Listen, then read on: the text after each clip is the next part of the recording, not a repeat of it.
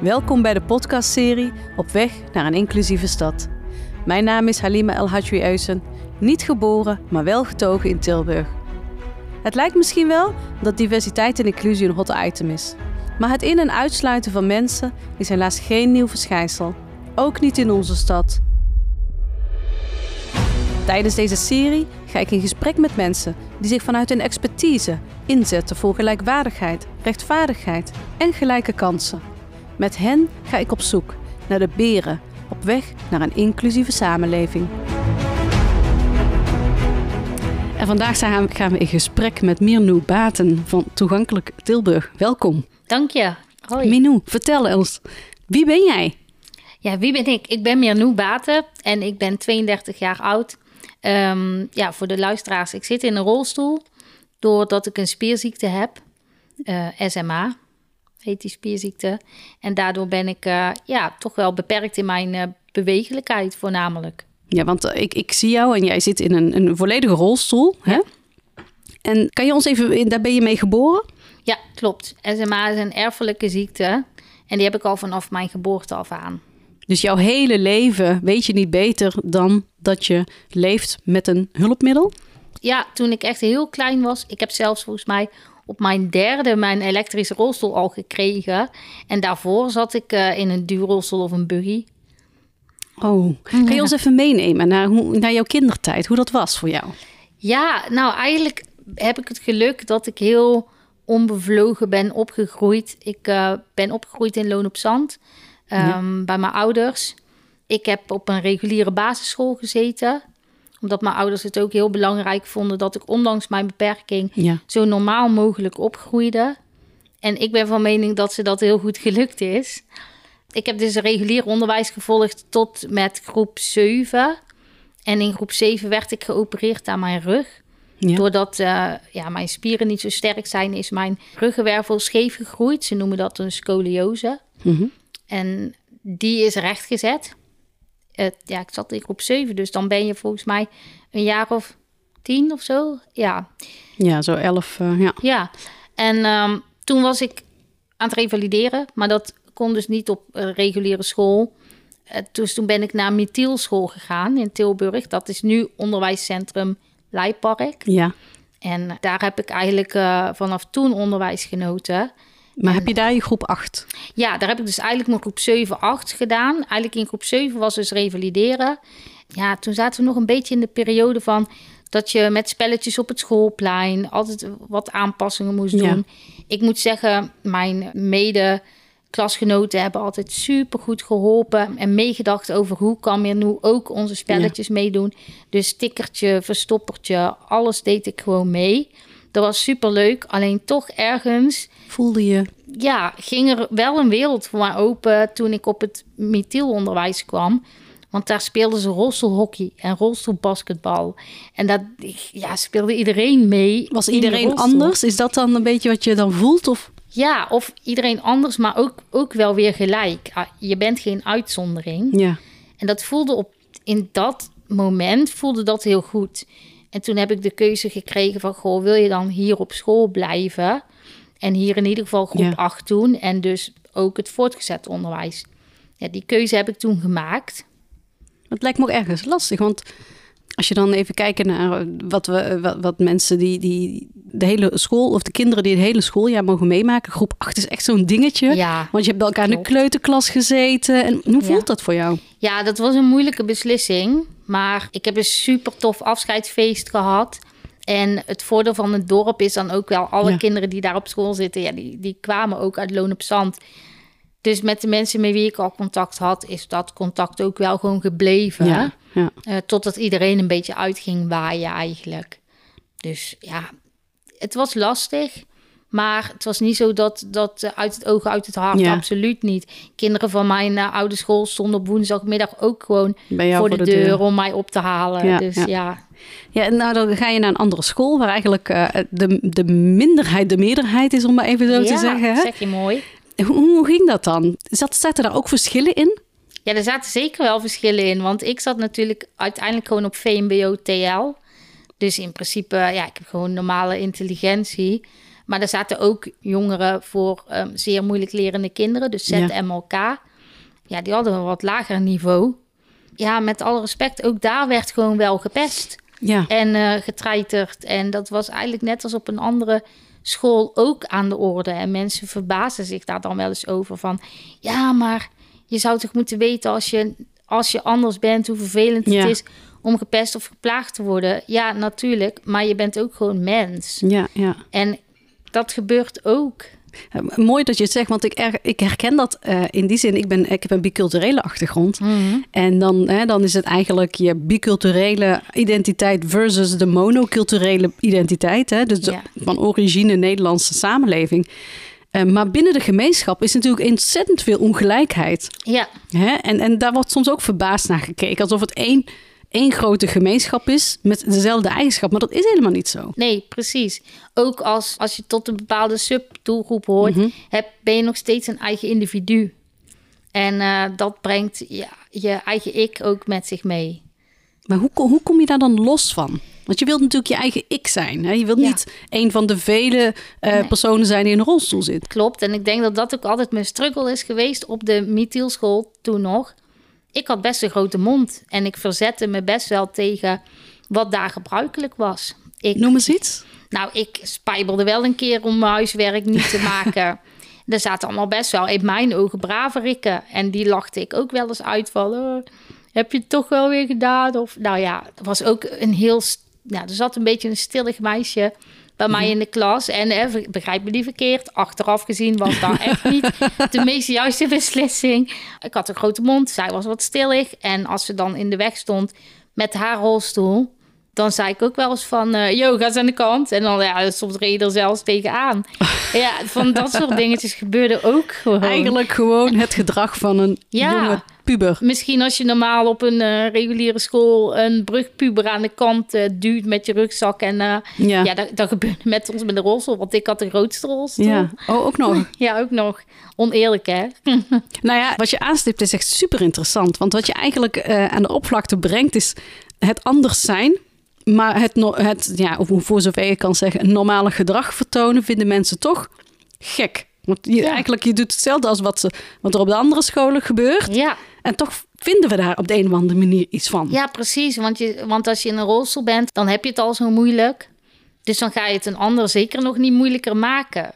Maar dat hoort ook bij identiteitsontwikkeling. Ik heb dat meisje waar ik net over vertelde, no- nu nog gesproken. Daar Ja. heb ik nu nog contact mee, of eigenlijk opnieuw contact mee.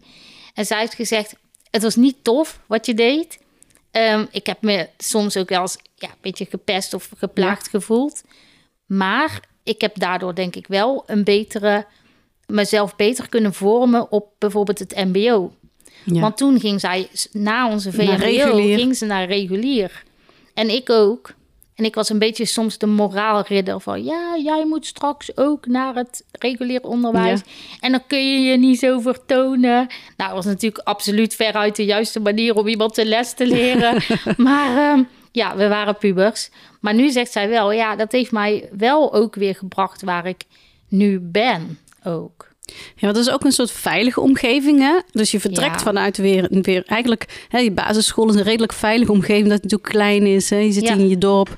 Dan ga je naar een andere plek die ook redelijk met gelijkgestemden is. Hè? Ja, En dan kom je ineens op het MBO, zeg je. ja. En, en hoe ging dat? Nou, ik zat dus op een gegeven moment...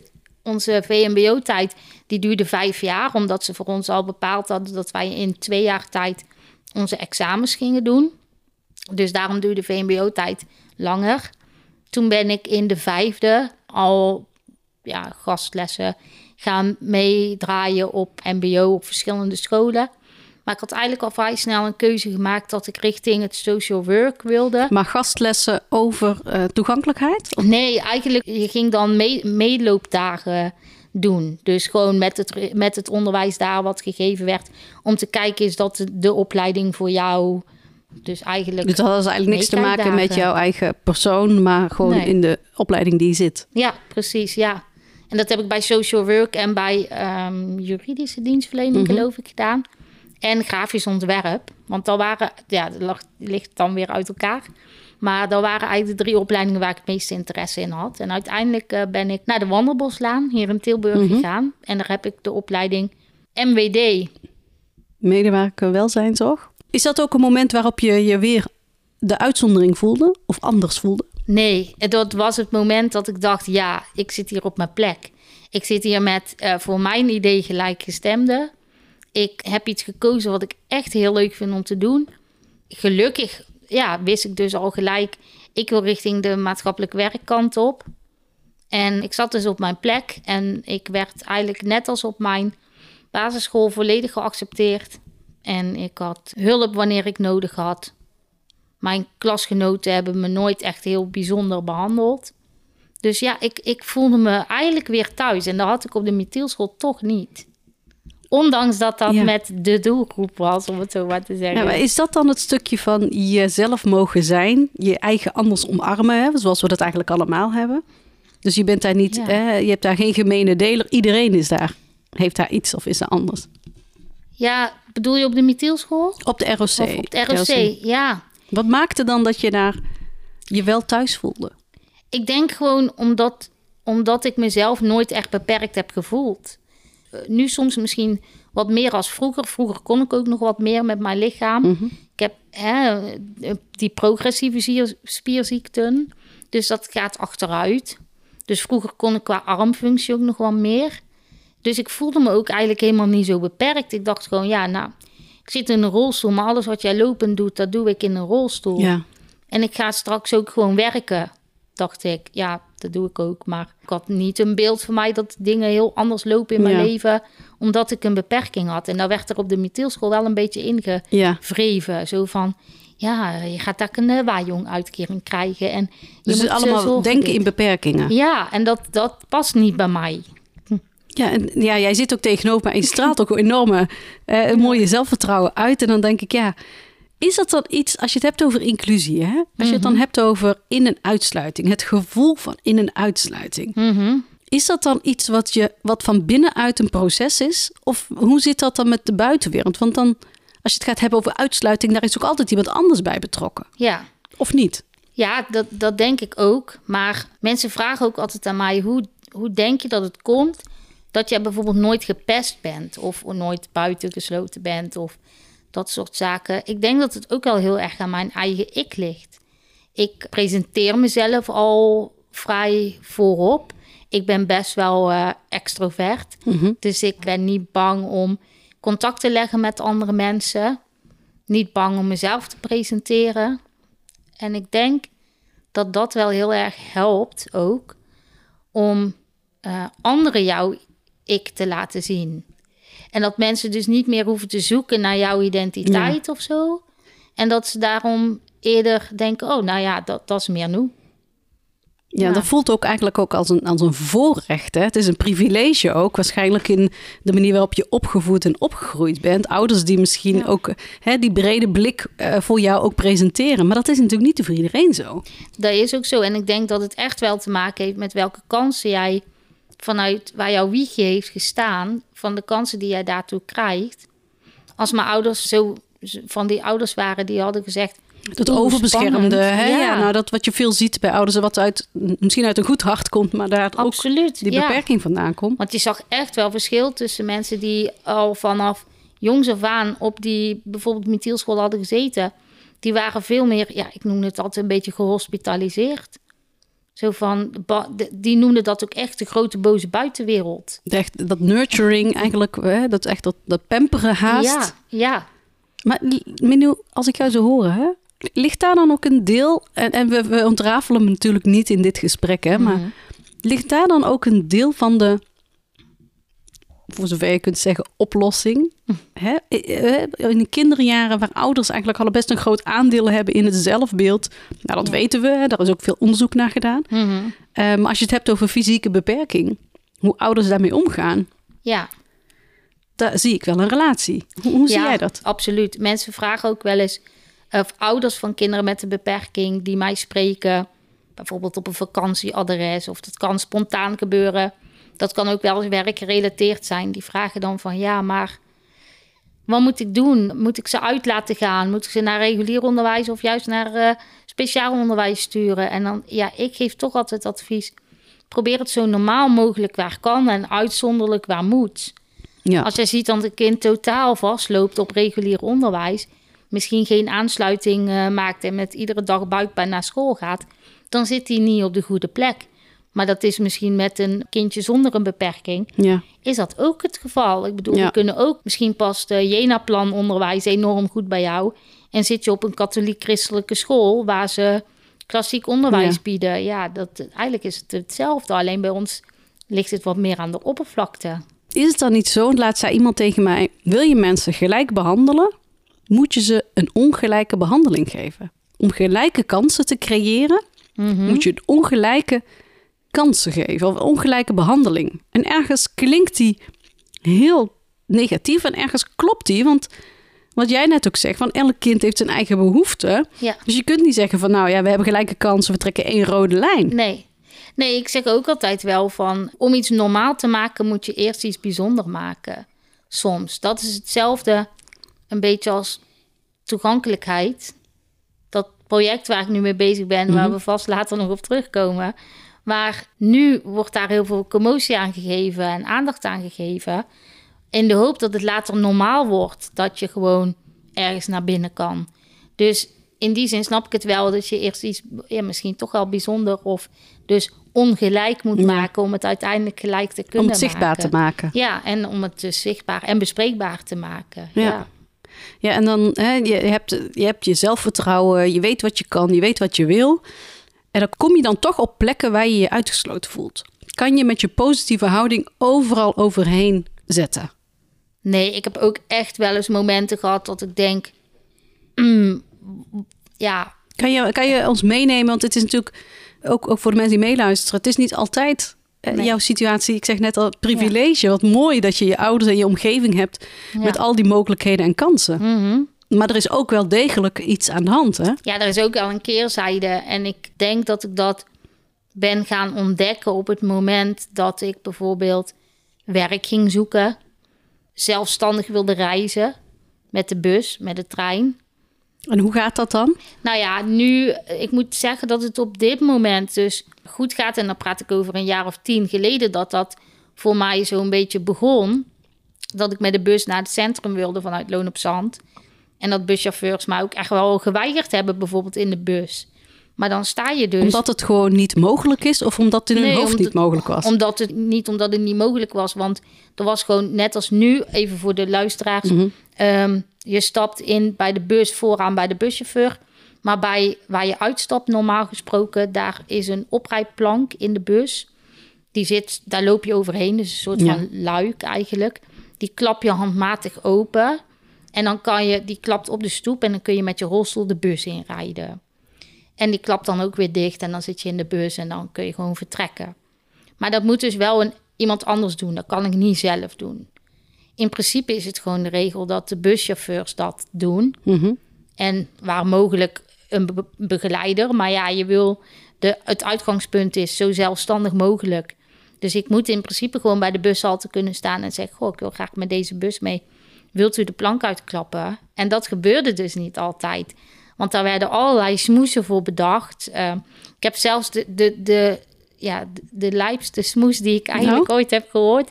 is nee, ik mag je niet meenemen... want ehm, er zitten accu's in en accu's zijn net als vuurwerk... en die kunnen ontploffen.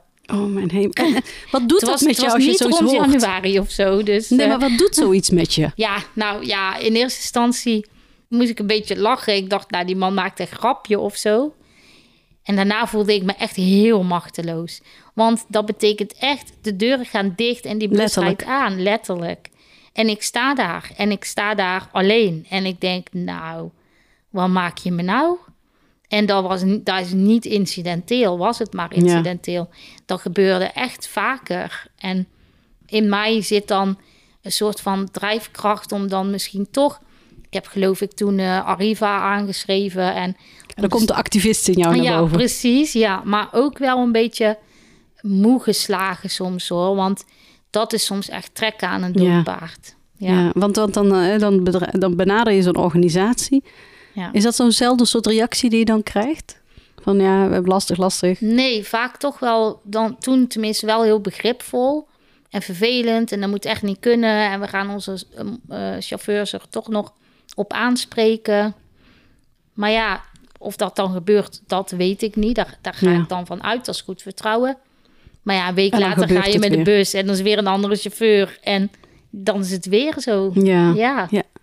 want dan ben je echt gewoon letterlijk afhankelijk. Ja, absoluut. Ja. Want dan is het echt op het moment dat die deuren dicht gaan, denk je, ja, oké, volgende bus. Ja, en, in de volgende bus zit een kinderwagen vanaf de Efteling, want ik woonde nog in Loon op Zand. Ah, en dan... Uh, die zit op de plek waar jij jou... Ja, en dat mag. Alleen dat betekent wel dat ik dus vervolgens nog een bus later moet pakken. Ja. Oh, dus je wordt ook uh, niet meegenomen als de plek voorzien is, om even zo te zeggen? Soms heb je van die de chauffeurs die zeggen... Goh, mevrouw, uh, wilt u even um, uitstappen? Dan kan mevrouw erin en dan kan u mhm. misschien met de buggy daar nog achter. Ik vind het ook wel weer van de andere kant bezwaarlijk op het moment dat een chauffeur zou zeggen: Dit is een plek voor de rolstoel. U moet eruit en u moet de volgende bus pakken. Dat zou ik zelf ook ja, dan kom je weer in dat conflict. Ja, hè, want wie heeft nou het meeste recht op die plek? Ja, dat is toch ook raar eigenlijk. Ja. ja. dat voelt niet goed. Dus ja, daar ben ik ook nooit zo van. Maar ik ben wel zo van, goh, zullen we even ruilen... dat ik in ieder geval vooraan ga staan... want dat is gewoon de veiligste plek. Mhm. En de kinderwagen kan altijd nog achter mij... of misschien ingeklapt in het gangpad. En zijn mensen dan ook wel bereid om, om een stap extra te zetten? Of nou in de bus is of op een andere plek? Of krijg je daar ook wel eens uh, negatieve ervaringen in? Ja, dat is heel wisselend. Ik moet wel zeggen dat ik weinig negatieve ervaringen krijg. Is dat dan omdat je zo positief in het leven staat of zijn ze er niet? Want, en, en dan wil ik ook even terugpakken, ja. weer even naar mijzelf. Als ik terugkijk naar mijn jongere jaren, is een behoorlijke tijd geleden. Ja. Ik heb hier op de Michael gezeten in Tilburg. En dat was een, echt een eh, multicultuurschool met van alles erop en eraan. Mm Ik heb me op dat moment niet buitengesloten gevoeld.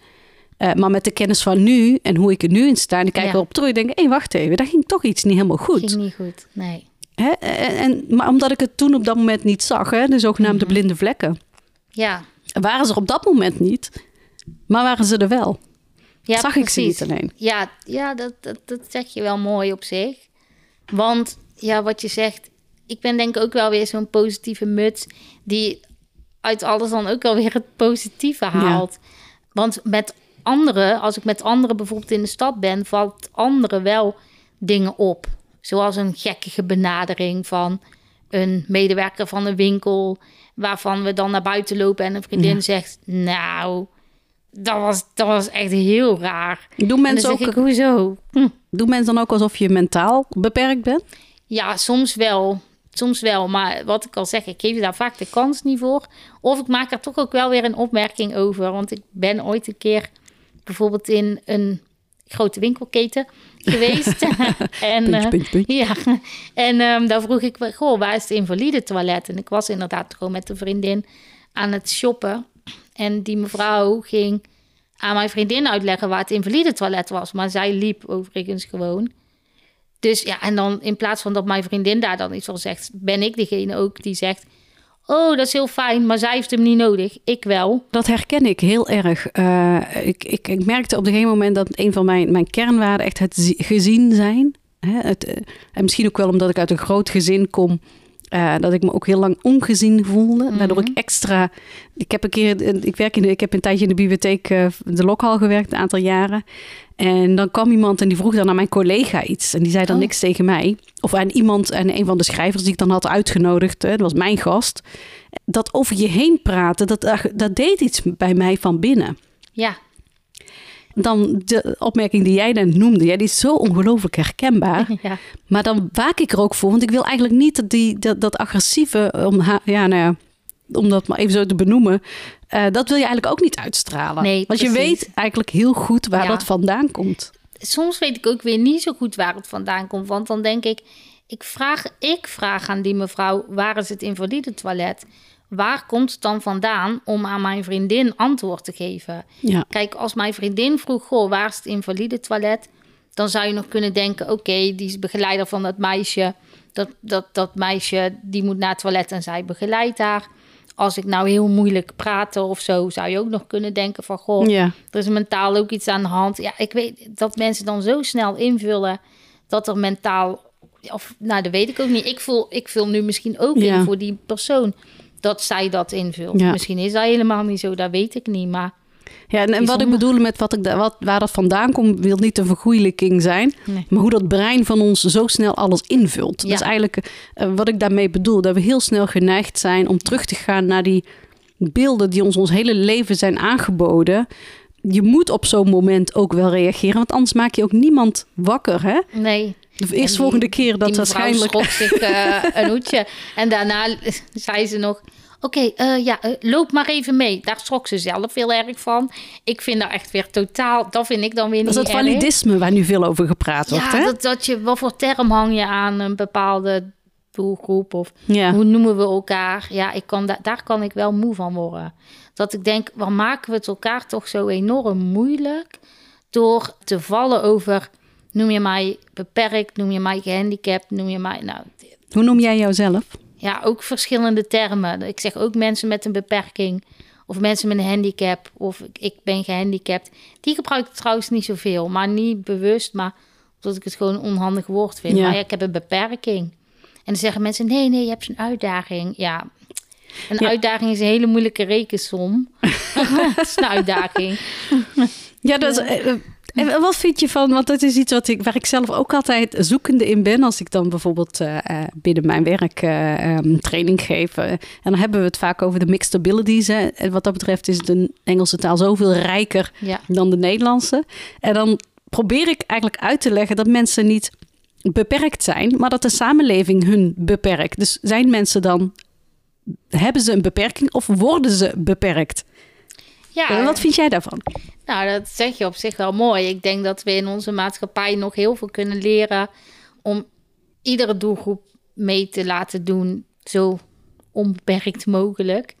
Ik denk dat er wel in kleine dingen oplossingen te vinden zijn, Ja. inderdaad, ja.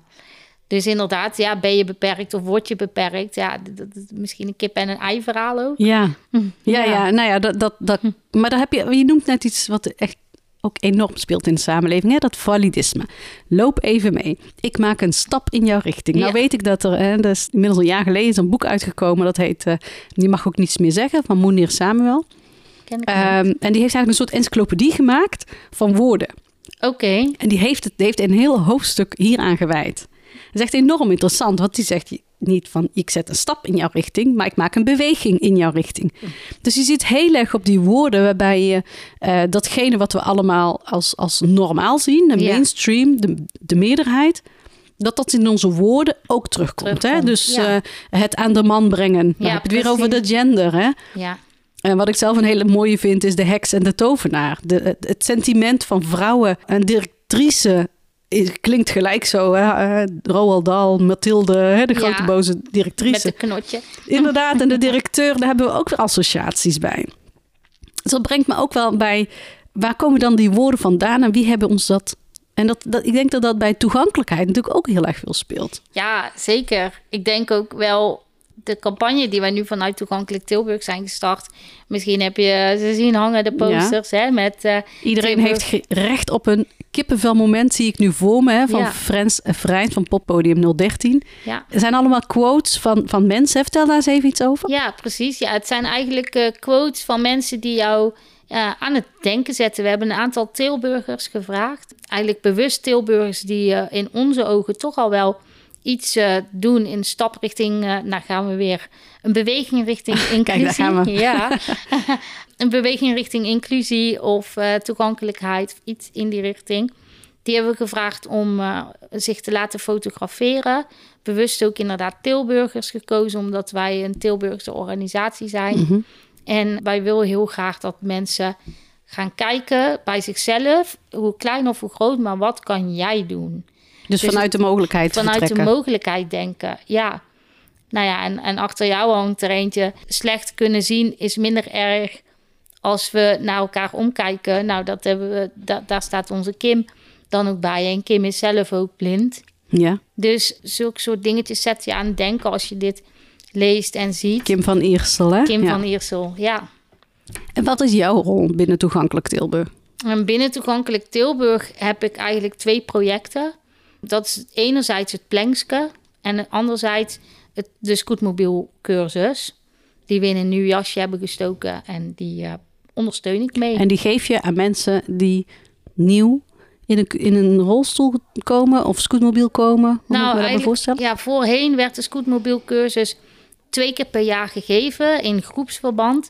Waarin mensen inderdaad die een scootmobiel uh, hebben gekregen bij ons op cursus kunnen. Dat was één dag en daar deden wij. En dat waren dan mensen die, die ook uh, hoog, uh, hoog in de leeftijd zitten? Ja, vaak wel. Of mensen met niet aangeboren hersenletsel.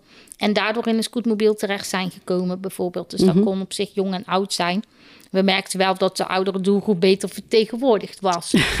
dat wel. Nou ja, dat, dat waren hartstikke leuke dagen. Alleen je begon eigenlijk al op locatie. En dan vroegen we dus mensen naar die locatie te komen. Maar ja, dan vroegen we tevens aan mensen... ja, die niet voor niks die scootmobielcursus volgden. Dus dat, daar hebben we in de coronatijd heel erg over nagedacht. Van hoe kunnen we dat beter doen? En wat we nu hebben gedaan is... Uh, we hebben eigenlijk... Ik ben projectleider van, van dat project. Ja. Mensen kunnen met ons een één op één afspraak maken. En onze vrijwilligers, die zelf heel ervaren zijn in het rijden met de scootmobiel, die hebben we een stuk of vier. En die gaan eigenlijk één op één naar die mensen toe. Ja. ja, en dan ja, één, twee of drie afspraken. Als het echt nodig is, nog, nog eentje meer. Maar nou, maximaal vijf toch echt wel. Waar we één op één behendigheidsoefeningen, maar ook lange afstand rijden. Het, hoe gedraag je als scootmobielrijder in een stad of iets dergelijks. En nu eigenlijk alleen voor het scootmobiel. Maar ik hoor jou net zeggen rolstoel. En denk, nou, wie weet. Nou, dat biedt mogelijkheden. Ja. nou, het, grappig, je vertelt dit en mee denk ik... hé, hey, mijn moeder heeft ook die cursus gehad. Oh, kijk. En het grappige is dat ik... Nou, ik heb twee kinderen, dus ik heb wel met een, rol, rol uh, met een uh, kinderwagen uh, moeten manoeuvreren zo nu ja. en dan. Maar dat is nog best wel te doen. Hè? Je tilt hem over de stoep heen. Ja. Maar ik kan me nog herinneren dat ik met mijn moeder dus ging, ging wandelen. Mm -hmm. En zij met haar, met de scootmobiel. En toen moesten we gingen naar het park. En dat, dan, dan steek je gewoon over. En toen zei ze, nee wacht, we moeten even helemaal rond. En, en, en, ineens, want ze zei, ja, ik moet wachten tot ik ergens een verlaging vind van de stoep.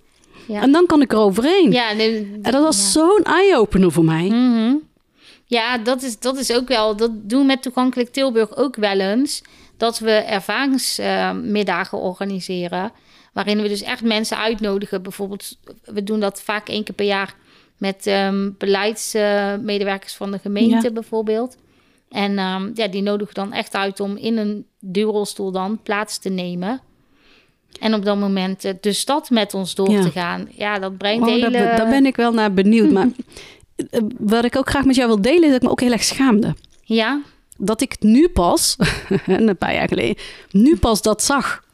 Ja. Hoezo heb ik daar nooit oog voor gehad? Ja. Dat was echt even, nou ik weet niet of het echt schaamte was, maar het was echt dat ik dacht, oh, ik ja. zit zo in de materie en mm -hmm. nu pas ben ik ermee geconfronteerd. Had je dat niet al toen je met de kinderwagen liep? Want al ja, maar dat is toch een soort uh, ja, tijdelijkheid ook. Ja. En ik hoef niet helemaal om te rijden. En ik ja. zeg al, een, een, kinderwagen til je makkelijk, makkelijk, de stoep op en ja, af. dat klopt. Ja, maar ik hoor het dat dan kan je met zo'n apparaat kan je dat natuurlijk niet doen. Je kan nee. niet zo, nou ja. Dat gaat niet. Ja, maar hey, je noemde net al het plankske. Ja. En ik wil ook heel graag, want we gaan natuurlijk, we hebben het over Tilburg als inclusieve stad. Ja. Dus wil ik ook heel graag weten hoe jouw route door Tilburg uh, gaat.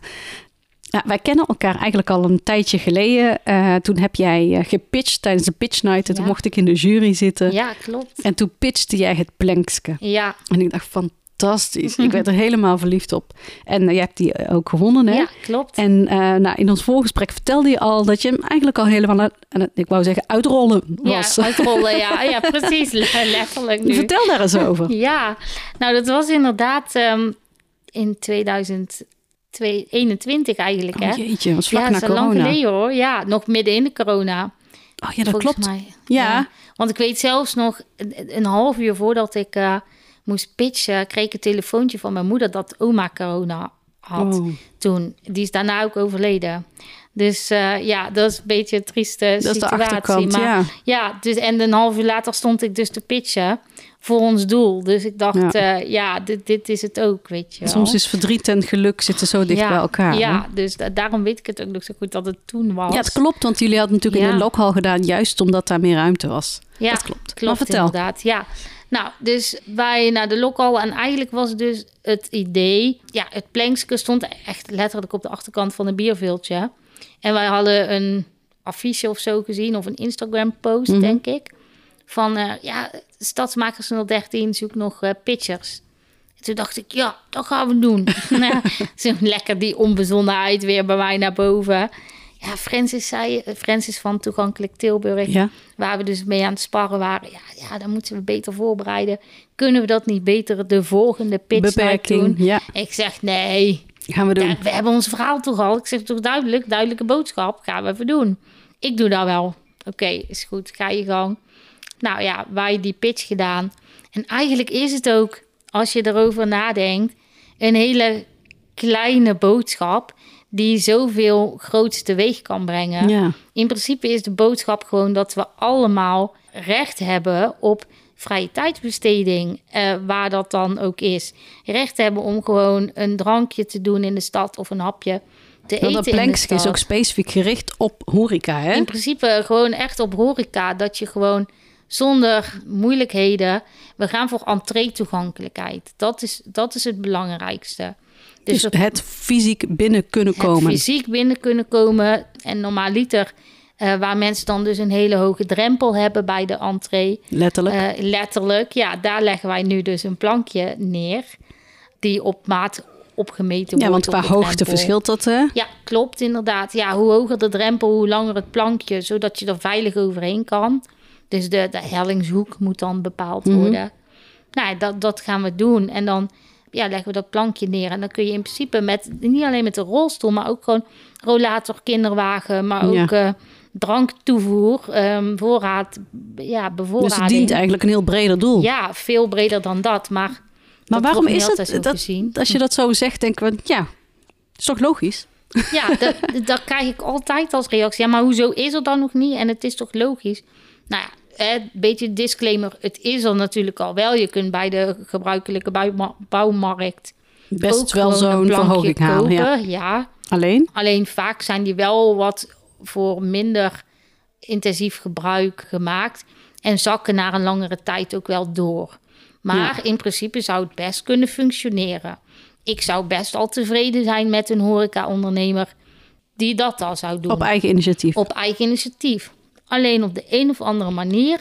En daarom heeft het ook zo lang geduurd van 2021 tot en met eigenlijk afgelopen 6 juli dat het eerste plankje gelegd is. In die tussentijd zijn we echt met de zoektocht bezig geweest om hoe krijg je horeca-ondernemers zover Dus echt om dat draagvlak. plankje neer te leggen. Ja, begrip, draagvlak. ehm, Maar waar zit die weerstand dan? ja, Waar echt, zit dat hem in? Kan je benoemen? wist ik het maar. Eh, we Wat zeggen zij zelf? We, we hebben verschillende argumenten te horen gekregen.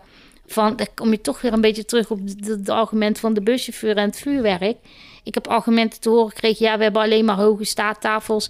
Daar hebben jullie toch niks aan. Dus dan is een plankje ook niet nodig.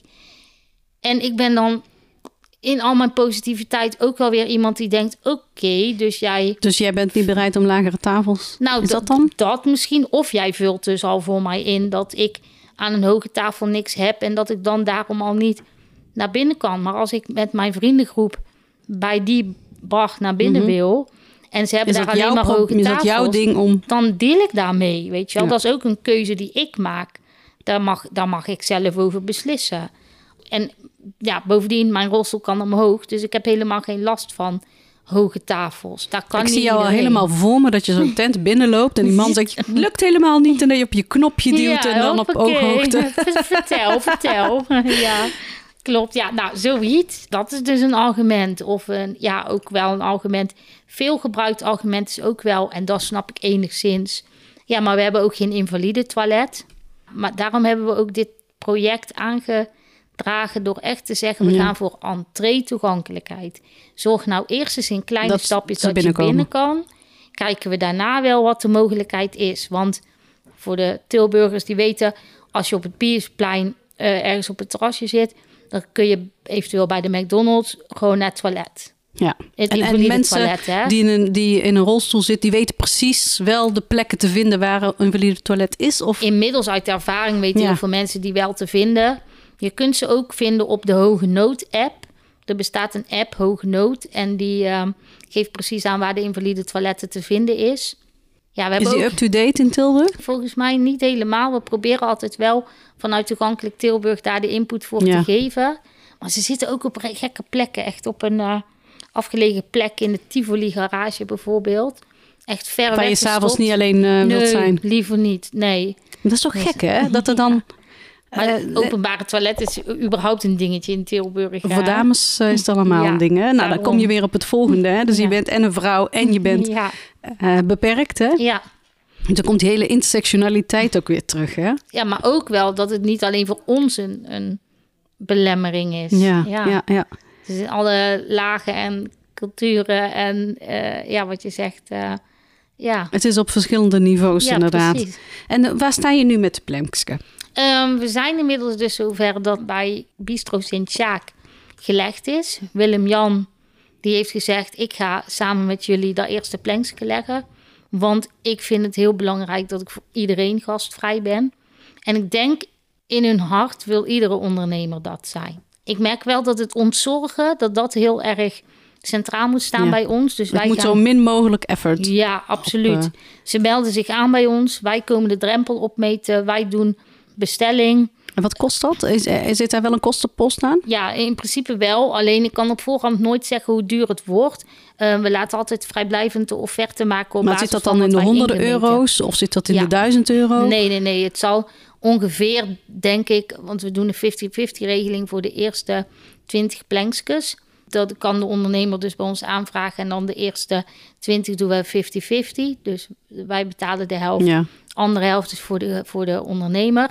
En voor de ondernemer zal er, nou ja, ik denk maximaal 300 euro overblijven aan kosten. Dus daar moet het hè, voor een ondernemer niet daar moet hij niet over vallen. Dat denk ik niet. Daar moet hij niet over vallen. Ook niet over ons plankske. Nee. Maar nee, zeker niet over de kosten, denk ik. En waarschijnlijk wordt het goedkoper. Alleen het is dus afhankelijk van hoe groot ja. um, dat plankske is. Bij Willem-Jan, die had Willem-Jan was een perfect voorbeeld.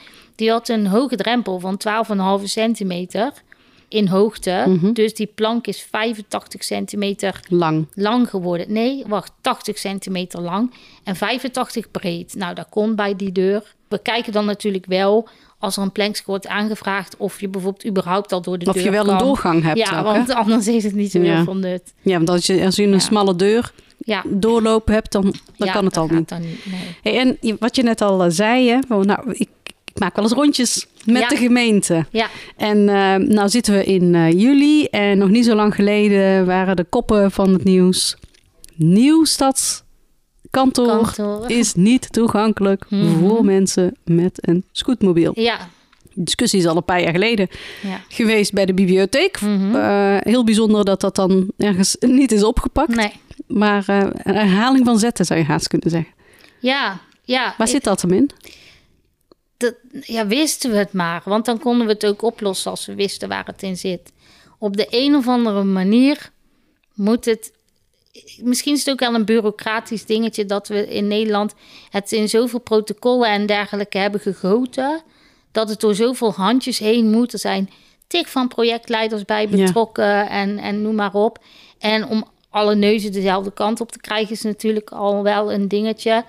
En misschien projectleiders komen en gaan. Dus uh, nou ja, ik weet, Ja, maar dat, dat vind ik eh, eigenlijk niet meer een argument. Omdat je wel heel veel brede doorgangen moet hebben. Dat zit eigenlijk gewoon ingebed in allerlei, juist in die protocollen.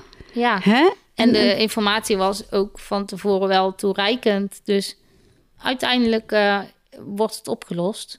Alleen een, maar worden jullie niet betrokken bij zo'n aanbesteding en dat mhm. proces begint dat je dat een gemeente, of dat dan Tilburg is of welke gemeente dan, dat ik denk van hé, hey, laten we eens even kijken naar de organisaties die er zijn die dit even met ons gaan checken. Ja, zeker. Wij, uh, ja, wij hebben daar ook uh, rond tafel gezeten en adviezen uitgebracht en dergelijke.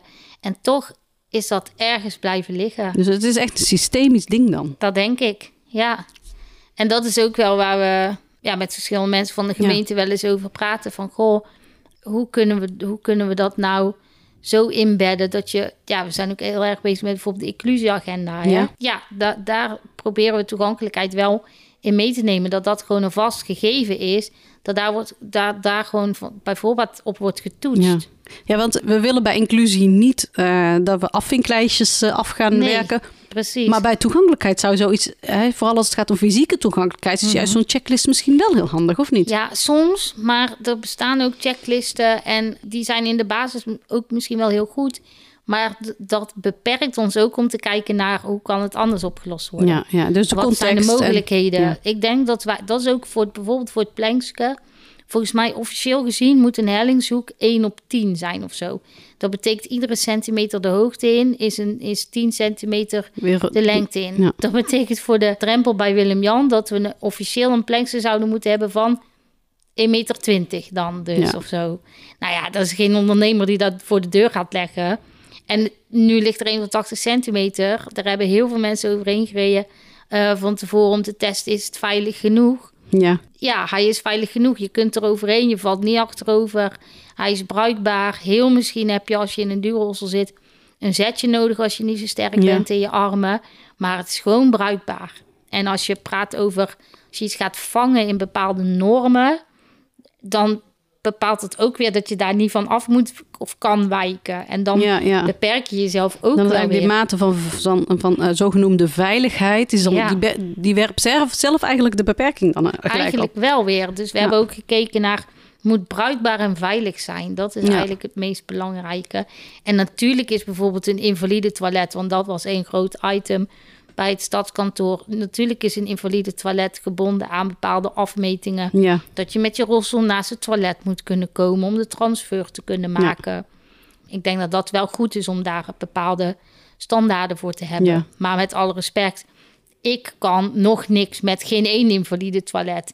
Ook al voldoen ze aan de norm. Ja, mijn beperking is gewoon te groot Ja. daarvoor. Dus ja, je kunt het nooit voor iedereen nee. helemaal goed En is doen. dat oké? Ja, voor mij Dat is je het dat niet voor iedereen... Ik heb mijn eigen oplossingen daar, daarvoor ook. Ja. Op welke plek kan jij absoluut niet komen? Hele goede vraag. Nou ja, ik zou heel graag in de zomerse dag een drankje willen doen op het dakterras bij Dolores. Maar nou, misschien moeten we deze podcast aan, hem, eh, aan hun opsturen. ja, En waar ligt dat in? eh, daar ze hebben wel ze- een lift natuurlijk. Ja, ze hebben wel een lift, dus ik kan wel gewoon binnen. En eh, nou ja, dat is ook wel een heel grappig verhaal. Wij hebben dus met de jonge man, ik ben zijn naam even kwijt, maar hebben wij gesproken voor eigenlijk toen hij bij, volgens mij was het de Jost of zo, de, de bedrijven... De ehm, exploiteur van het, van het nee, gebouw. noem je dat? Ja, in ieder geval degene die Mhm. Dolores zou eh, opbouwen en zou maken, of de eigenaar daarvan, die heeft ons een keer ergens horen praten en die zei, oh ja, ja ik ga zeker denken aan toegankelijkheid en het is echt heel belangrijk. En eh, ja, ik zeg ook een dakterras, hè, want daar doe je het voor natuurlijk. Super tof, zo'n dakterras in Tilburg. Wij komen uiteindelijk, toen het gerealiseerd was, echt ook met drie rolstoelen daar naartoe. En dat was echt gewoon twee traptredes omhoog, plus een dikke, vette, grote drempel. Dus ik zei, nou joh, waar is het nou misgegaan dan? Ja, ja, ja, de, de vloer was toch iets lager uitgekomen dan eh, wat gepland was. Punt. Toen dacht ik, jongen, ik heb toch met jou ook voor ta- Ja. rond tafel gezeten. En je vond het toch allemaal zo belangrijk. En ik geloof wel, ik geloof best dat je dat, dat, je dat soort dingen niet kan voor overzien. Maar wat ik eh, dan wel denk, je bent je er dus ergens al bewust van geweest. En misschien is dat naar de achtergrond verdwenen. En op het moment dat wij dan daar komen met drie rolstoelen, voel je misschien een beetje voor het blok gezet. Maar dan zou je ook, in plaats van dat je, want volgens mij ligt, het- is het er nu dus nog niet. Je zou ook kunnen denken, goh, vervelend. Kunnen jullie ons helpen met een oplossing? Waar liggen de mogelijkheden? Ja, Ja. dat zou, dat, dat zou zo fijn zijn. Doe het samen met ons. We nemen het je niet kwalijk als je Ja, want niet dat is misschien ook wel de stap- angst, hè? Dat mensen bang zijn om Ja. veroordeeld te worden. Ja, en, dat, en misschien heeft ehm, voorheen was eh, toegankelijk Tilburg. TOG had ook wel een beetje het imago van... Hè, wij staan op de barricade en we laten onze Mhm. stem horen. En ehm, nou, misschien een net iets te hoog moppergehalte. Dan, dat past nu niet meer bij ons. We hebben wel Ja. een nieuwe jas aangetrokken. We hebben echt wel gekeken naar... Goh, hoe denken we in mogelijkheden... en hoe zorgen we dat we de mensen die we nodig hebben uitdagen... om het samen met ons te doen. Ja. Want niemand kan het alleen. Nee. Maar we- als we van elkaars mogelijkheden gebruik maken, dus gebruik nou die expertise van ons als ervaringsdeskundige om het wel toegankelijker te maken. Ja. En wat is je favoriete plek waar je zo in rolt? Ja, nou, ik vind toch ook wel de lokhal, want je noemde hem net al wel even als toen toch een beetje ontoegankelijk.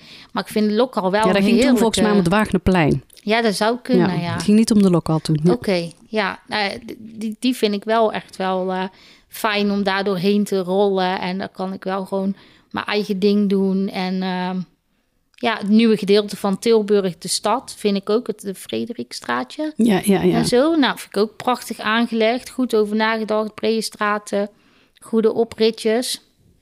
Ik denk dat dat wel plekken zijn waarvan ik denk, ja, of het dwaalgebied vind ik ook echt wel heel tof. Maar dat, is wel, dat zijn plekken waar je Ja. wel een uitdaging hebt. ja. Met, Omdat dan, dat lag er natuurlijk al veel langer Ja. eh, misschien. Of, maar ook smallere straatjes, fietsen op de stoep. ja. Druk, dat is echt wel binnenstad. Daar wordt wel beter op gehandhaafd. En met die blauwe vakken eh, brengt het wel iets. Maar er staat altijd wel een fiets of een prullenbak ligt, misschien. er ligt, eh, maar dat vraagt ook iets van het gedrag van, van bewoners. Nou, dat. En ik denk dat, dat dat ook wel iets is. Daarom is het ook Tilburg, laat zien wat je kan. Laat zien wat jij kan. ja. Plaats je fiets niet op een eh geleide lijn. Die liggen nog met een doel, weet je wel. Ja, of plaats je dus, fiets maar dat niet i- midden op de weg. kan dat ook zijn dat de- dus er moet ook wat opgevoed worden. Ja, Want mensen weten, het is niet een bewuste keuze van hé, laat ik eens even. nee, dat denk ik niet, inderdaad. Nee. Ja, en het is ook wel in de vluchten waarin we leven. Ook pleur even mijn fiets hier neer. Ja, ja, ja. ja. En ik ga even dit doen en dan ben De ik weg. individualistische samenleving. Ja, ja. Hey, en we hebben het nu heel veel eigenlijk gehad over eh, fysieke toegankelijkheid. Mhm. Is, zijn jullie ook voor breder? Want toegankelijkheid heeft natuurlijk... eh, je- je noemde net al jouw, jouw collega, die, die dus visueel beperkt is. Mhm. Ja. Hoe, hebben jullie het hele brede palet? Nou ja, het hele brede palet in die zin, je kunt... Als je, Als praat je over kijkt, brede- zintuigelijke beperkingen. Ja, dat wel. Zintuigelijk en auditief. In die zin zijn dat wel doelgroepen waarmee we dus ook samenwerken. We hebben bijvoorbeeld de Vereniging voor Mensen die slechtziend zijn. Ja. En ook eh, voor mensen met een auditieve beperking. Daar zijn ook collega's van ons vrijwilliger, maar ook andersom. Dus wij sparren wel met elkaar. Dus, Mhm. Dus je werkt daarin samen stok- met... ja, de dag van de witte stok is bijvoorbeeld eh, zo'n voorbeeld. Die doen we vaak samen. Eh, of we denken met ze mee van... hé, hey, wat zou je kunnen doen?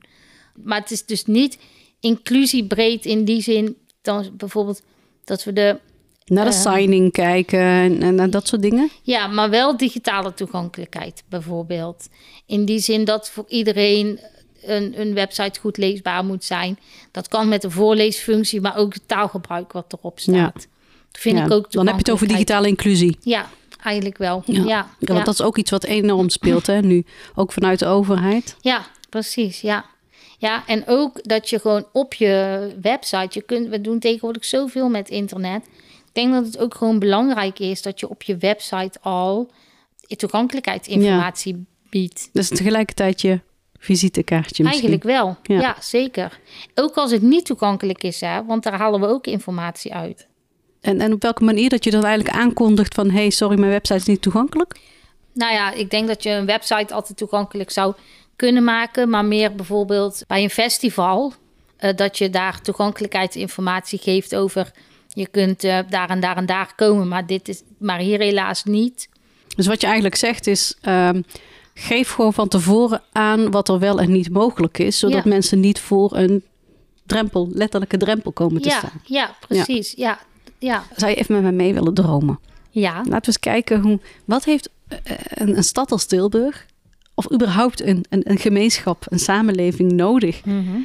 Om op, op het gebied van toegankelijkheid... en, en misschien wel in de brede zin van inclusie... Hè, van eh, gezien en gehoord worden... Wat wens je ons toe?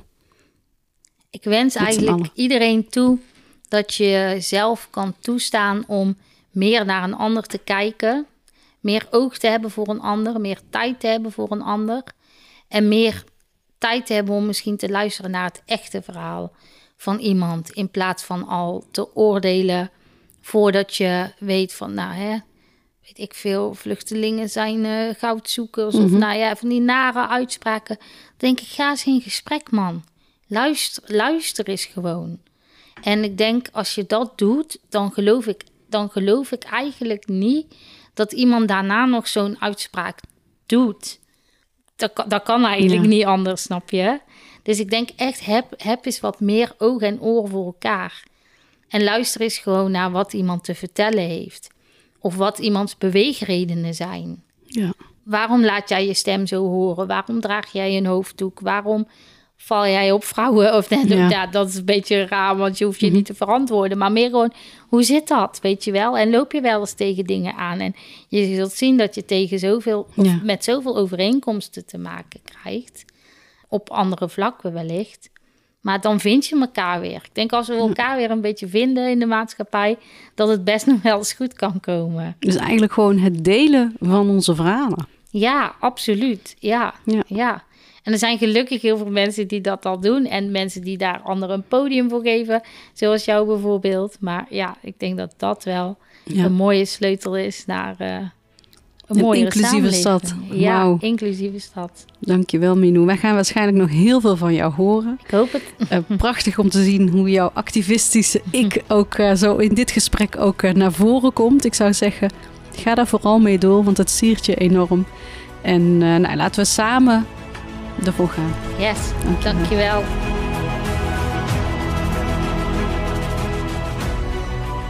Bedankt voor het luisteren. Wil je meepraten?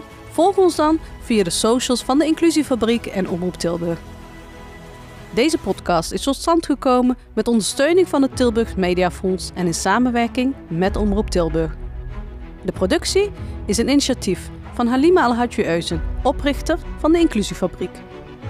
Wil je meer horen over dit thema? Luister dan ook naar de andere afleveringen van de podcast Op weg naar een inclusieve stad.